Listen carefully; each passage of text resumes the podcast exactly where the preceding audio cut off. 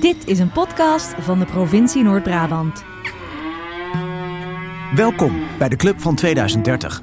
De club die samen onderweg is naar 2030 en ervoor zorgt dat wij kunnen eten, drinken en het mooie Brabantse landschap dat ons daarin voorziet op de best denkbare mogelijke manieren kunnen blijven gebruiken.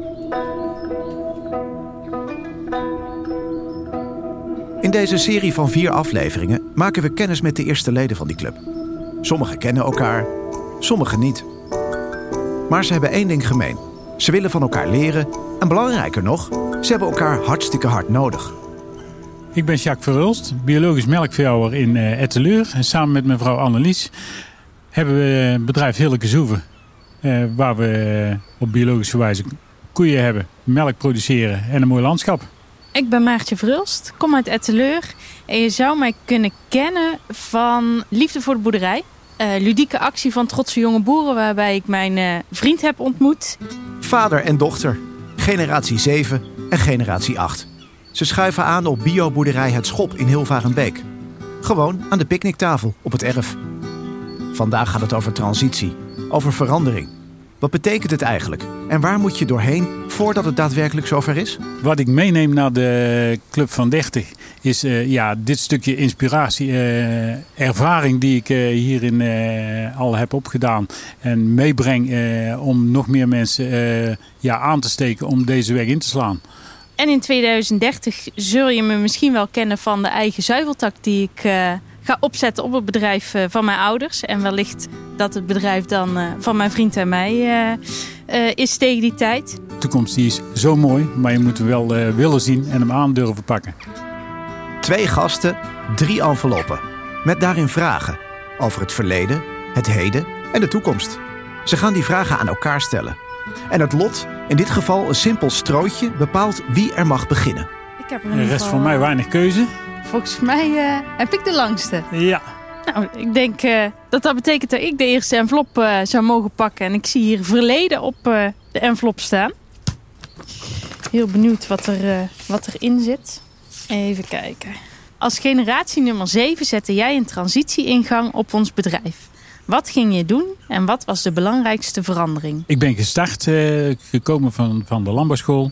Eh, thuis op bedrijf aan de slag. Gewoon gangbaar, net zoals mijn ouders het gedaan hadden en zoals ik het op school geleerd had.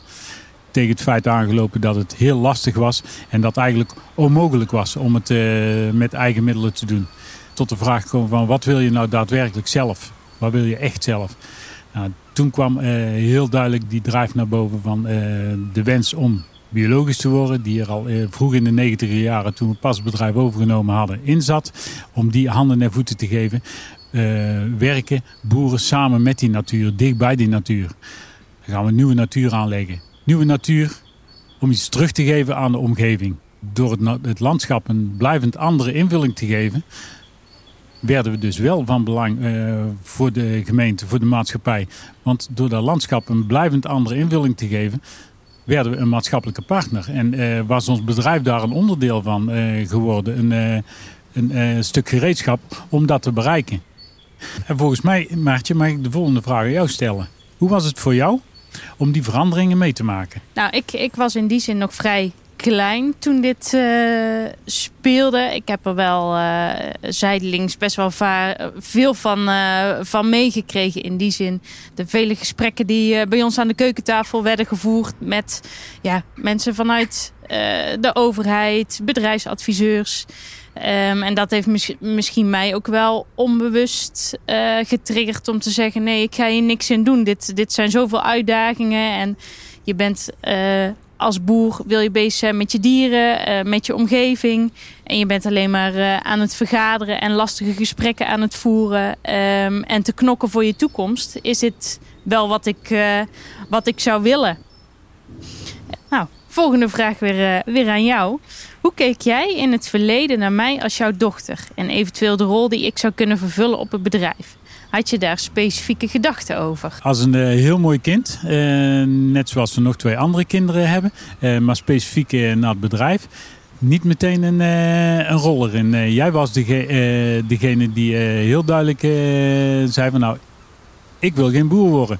En wij hadden het er, als vader en moeder hadden wij het er samen over. Nou, er zal misschien, misschien waarschijnlijk best wel een opvolger in zitten. Maar Maartje die zal het zeker niet zijn. En Maartje, jij hebt altijd gezegd dat je geen toekomst zag in het overnemen van het bedrijf. Benoem het moment waarop je van gedachten veranderde eens. En hoe ging dat?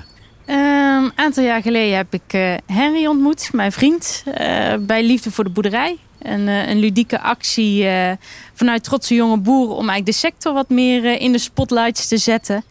Niet gedacht dat daar iets moois uit zou opbloeien. En toen Henry en ik, ik denk ja, een jaar, anderhalf jaar een relatie hadden, hadden we het ook over de toekomst. Van nou, en dat was eigenlijk wel het punt van, nou, misschien kunnen we het, zouden we het samen kunnen doen. Uh, ik heb altijd heel hard geroepen, ik ga niks met het bedrijf doen. Ik ben bang voor koeien, dus dat is niet voor mij weggelegd. Maar toch uh, heel veel interesse in stadslandbouw, toch andere vormen van landbouw. Ja, en op een gegeven moment vielen alle puzzelstukjes op zijn plek. Van nou, misschien is dit toch wel iets waar waar ik mijn eigen draai aan zou kunnen geven om als, als achtste generatie het bedrijf voor te zetten. Oei, een, een, een lastige vraag zie ik hier. Wat was het moeilijkste moment, vind jij, bij ons op de boerderij? Het lastigste, we hebben de keuze gemaakt terwijl we al enkele jaren er zaten, te kiezen voor een melkrobot. En die dat systeem bleek niet goed te werken. Ehm, echt niet goed. En heeft ons in 2015 moeten doen besluiten afscheid te nemen van het robotmelken. Maar had in dat jaar ons 45 koeien gekost die we gedwongen hebben moeten afvoeren. En de tweede was uh, dik een jaar geleden. Uh, hebben een uh, bacteriële infectie met uh, leptospirose bacteriën gehad. Waardoor we vorig jaar in mei op onze 30ste trouwdag 38 koeien naar het slachthuis hebben moeten brengen. Vier weken later nog eens 12. Dat is financieel ingrijpend, maar mentaal nog veel harder. En daarin heb ik me heel erg warm omringd gevoeld door ons gezin, de Annelies, de kinderen en de naaste omgeving om vooruit te kunnen gaan. En aan jou Maartje, om deze ronde positief af te sluiten. Wat vond jij het mooiste moment? Ja, als ik kijk, jij hebt vooral teruggekeken naar het verleden. Ik denk dat een van de mooiste momenten Ehm, is als ik Henry en jou door de stal zie lopen samen. Dat ik denk, ja, we gaan hier de komende jaren samen aan, uh, aan werken. We, gaan hier, uh, we, zitten in transitie naar um, een volgende fase. Dat we het zo eigenlijk met z'n vieren op gaan pakken de komende tijd. En, en daarmee verder gaan. Dat maakt mij wel ja, enorm trots. Jacques en Maartje, samen op weg naar 2030. De Club van 2030 bestaat uit oud-gedienden, nieuwkomers en ook uit voorlopers. Elke aflevering kijkt een visionair vooruit. Vandaag Jaap Korteweg, de vegetarische slager uit Breda.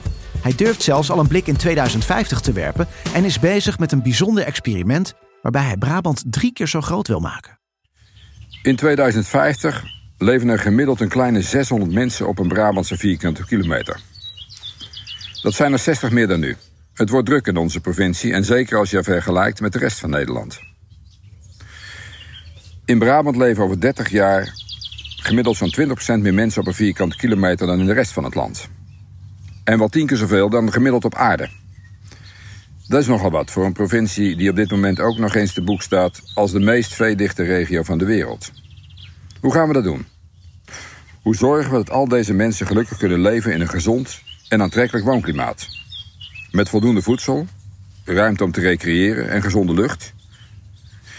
In dat nieuwe landschap moet dat kunnen. Slim, ultra duurzaam en volledig circulair. En om niet meteen bescheiden te beginnen als voorbeeld voor de rest van de wereld. Willen we hier in 2050 prettig wonen? Dan moeten we nu aan de slag. Een gebied van 1000 hectare waarin wonen, werken, voedselproductie, energievoorziening en recreatie volledig circulair zijn. In dit nieuwe landschap bouwen slim, zoveel mogelijk autonoom, een gebied van 1000 hectare groot. Dat wil zeggen dat we binnen dit landschap alle 6000 inwoners zelf kunnen voeden en van energie kunnen voorzien. En dat we zorgen dat alle afvalstromen opnieuw worden gebruikt.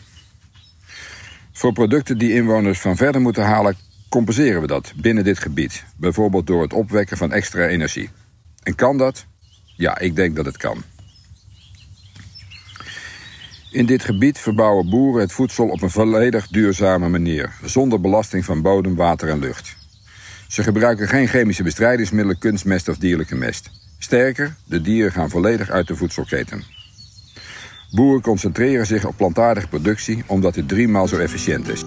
Terug naar Hilvarenbeek. Ik krijg hier een volgende envelop aangereikt. Waarop staat heden. Jacques en Maartje hebben nog veel te bespreken over de veranderingen die zij doorvoeren. Wil je daar meer over weten? Of misschien heb je zelf wel hulp nodig bij de veranderingen die jij doorvoert? Sluit je dan aan bij de Club van 30 op landbouw- en voedselbrabant.nl slash podcast. Er staan hier ook weer een aantal vragen op het, uh, op het kaartje. Hieruit blijkt voor mij op dit moment dat wij het juiste doen. En noem een sterk voorbeeld. Wij hebben 15 jaar geleden die keuze al gemaakt om met ons bedrijf deze richting in te gaan. Naar meer natuur, natuur inclusief, naar landschap op ons bedrijf en de stappen naar biologisch uh, te maken. En nu zien we dat uh, alle beleid deze richting op uh, aan het gaan is. En ja, ervaar ik dat we die kaart mezelf mee mag trekken en het voortouw mag nemen. En er naar mij ook wordt gekeken en gevraagd van. Dus een bevestiging van de keuzes die we lang geleden al gemaakt hebben. Maartje, uh, transitie, verandering is het thema van deze uitzending. Wat zou je op dit moment eigenlijk anders willen doen? En wat belemmert jou daarbij? Vind ik best een lastige vraag. Kijk, de, er is een hele mooie basis gelegd. Uh, er is uh, bij ons op het bedrijf al een hele hoop transitieverandering gemaakt. Hetgene waar ik zelf de komende tijd mee aan de slag wil gaan... is het opzetten van een zuiveltak wat ik merk is dat je als je zoiets wil opzetten, je bent afhankelijk van heel veel mensen. En dat is op zich heel goed. Concreet voorbeeld nu is bijvoorbeeld het bouwen van een zuivelruimte of een, een, een unit daarvoor eh, beschikbaar stellen. Nou ja, waar ga je dan zoeken? Wie schrijf je aan? Wat is een goede samenwerkingspartner? Hoe ga je het indelen? Dus, uh, en qua belemmeringen, ja, ik heb van papa meegekregen om overal uh, voor, de, voor de 200% voor te gaan. En belemmeren, belemmeringen vooral om te buigen naar kansen en te kijken wat wel mogelijk is. En, en niet zozeer te kijken, oké, wat, wat is lastig en je daar druk om te maken. Dus ja, wat dat betreft vind ik het ook lastig om daar heel veel belemmeringen over, uh, ja, over te noemen. Ja, hoe, hoe is dat voor jou? Kun je, merk jij hetzelfde? Heb jij dezelfde ervaring? Ik heb zelf als uitdaging uh, denken in kansen, niet in belemmeringen. enkel kansen uh, kunnen tegen dingen die jou uh, tegenhouden, tegenaan schoppen, tegenaan blijven schoppen. Je krijg je blauwe tenen van, maar dan kom je geen millimeter meer vooruit. Dus. Ik zie hier op het kaartje staan, wat is de belangrijkste les die ik op dit moment van jou leer? En waar blijkt dat uit? Nou, volgens mij heb jij het zelf al, al aangegeven. Uh, bij ons is er een hele mooie basis gelegd. En voel ik ook echt die ruimte die wij, uh, wij als volgende generatie krijgen. Um, ik ben in die zin gezegend dat we ja, met elkaar iedere week zo open aan tafel kunnen zitten. En het met elkaar gewoon ja, over onze ideeën kunnen hebben, kunnen sparren. Dat is ook wat ik andere jonge boeren gun. Om daar met ja, hun ouders over in gesprek kunnen gaan. Ieder op hun eigen manier, zoals ik al aangaf. Ja, in eerste instantie nooit gedacht dat ik uh, op een bedrijf zou komen. Ja, boerendochter die bang is van koeien. Ja, wat, dat is een verloren zaak. Nou ja, kijk waar we nu staan en waar we naartoe gaan. Ik geef er mijn eigen draai aan. Proberen met de zuiveltak, het contact met de samenleving. Nou, daar liggen denk ik mijn krachten. En nou ja, op die manier probeer ik toch uh, invulling te geven aan de toekomst van het bedrijf van uh, mijn ouders en voorouders. Uh, en wat is de belangrijkste les die ik op dit moment van jou leer? De belangrijkste les is uh, nou, eigenlijk ook ja, vooral uh, denken in de breedte, de ruimte nemen om anders te kijken. Om breder te kijken dan wat we vandaag doen. Kijken naar morgen, naar overmorgen. En uh, voel je onbelemmerd in dat denken. Durf dat te bespreken. Nou, dat doe jij. Dat doe jij heel duidelijk. Nee, echt die lange termijn, uh, nou, die heb je heel goed in beeld. En jij durft er ook over te praten. Nou, dat, dat is iets wat ik heel erg waardeer. Om dat nog meer handen en voeten te geven. Nou ja, uh, straal je dat uit en uh, doen andere mensen dat uh, met jou mee. Ja, misschien voor de luisteraars thuis, dat gaat niet altijd zonder slag of stoot hoor. Dat, het, het botst af en toe ook wel eens. Zeker, ja, de appel valt niet ver van de boom. Dus ook dat. Eh, maar we komen daar altijd weer uh, op een goede manier nader tot elkaar. Ja, het luisteren naar elkaar en het samen daarin optrekken is denk ik wel een, uh, een hele goede. Zonder schuring geen glans. En dat is wat ik hopelijk naar luisteraars, nou, zeker naar mijn collega's, door wil geven. Naar de oude generatie waar, ik zelf, waar wij er zelf ook van zijn. Durf te luisteren naar die jonge generatie en geef ze de ruimte om te denken anders dan zoals jullie bezig geweest zijn, zoals wij bezig geweest zijn. Want de toekomst die gaat niet door uh, linea recta met wat we vandaag doen. Uh, maar geef de jeugd de ruimte om anders te denken en uh, probeer daar open voor te staan. Vader Jacques en dochter Maartje. Ze staan in ieder geval open voor elkaar. Ben jij eigenlijk al klaar voor 2030?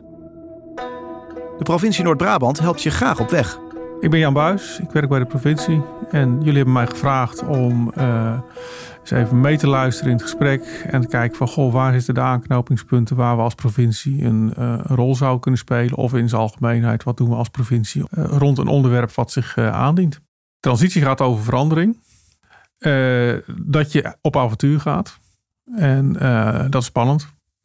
En zeker als je dat ook als onderdeel van je onderneming doet. Want dan, dan luistert, is het niet alleen een kwestie van lukt het of lukt het niet. Maar ook van heb ik een boterham zometeen of niet voor, voor dit soort bedrijven, die dus uh, een idee hebben van: Goh, jongens, ik wil dingen anders gaan doen. Dan helpt het natuurlijk al, altijd al wel als je al, daar al wel iets van een richting hebt. Van: Goh, ik wil ongeveer die kant op. En wat we dan kunnen doen is, nou soms we hebben gewoon vanuit ons netwerk zeggen van, goh, wat jij wil, dat zou ga eens met die praten, ga eens met die praten. En soms hebben we hebben uh, een aantal coaches op dit moment rondlopen, die zou je daar wel eens wat kunnen begeleiden. En die gaan dan eens even tegen je aanpraten en uh, je vervelende vragen stellen, zodat je scherp krijgt wat je zelf wil. Um, en vervolgens helpen dan de antwoorden ook uh, in de praktijk te brengen. Um, nou, we hebben soms kunnen we projecten opzetten of zetten mensen dat ze eigenlijk nog beter projecten op en die ondersteunen wij. En dus op die manier kunnen wij uh, mensen op weg helpen. Dus, dus als je denkt van goh, ik zou best wel eens uh, met de provincie in gesprek willen hierover. Want ik heb plannen en uh, die zouden we ook wel eens heel goed kunnen aansluiten bij wat de provincie uh, nuttig en wenselijk vindt.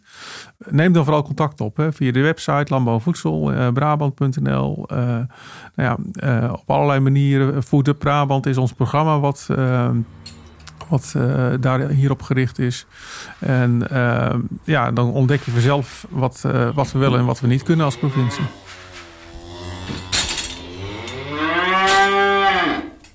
Hier komt weer een envelop aanvliegen. De laatste. Weer een aantal vragen. Eerste vraag. Hoe ziet jouw toekomst er eigenlijk uit? En wat betekent dat voor onze toekomst samen?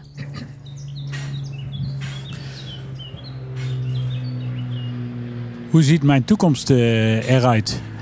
Om te beginnen uh, doorgaan met de, de drive en uh, de activiteiten waar we nu mee bezig zijn. Nog even meer de lijnen vooruit stippelen.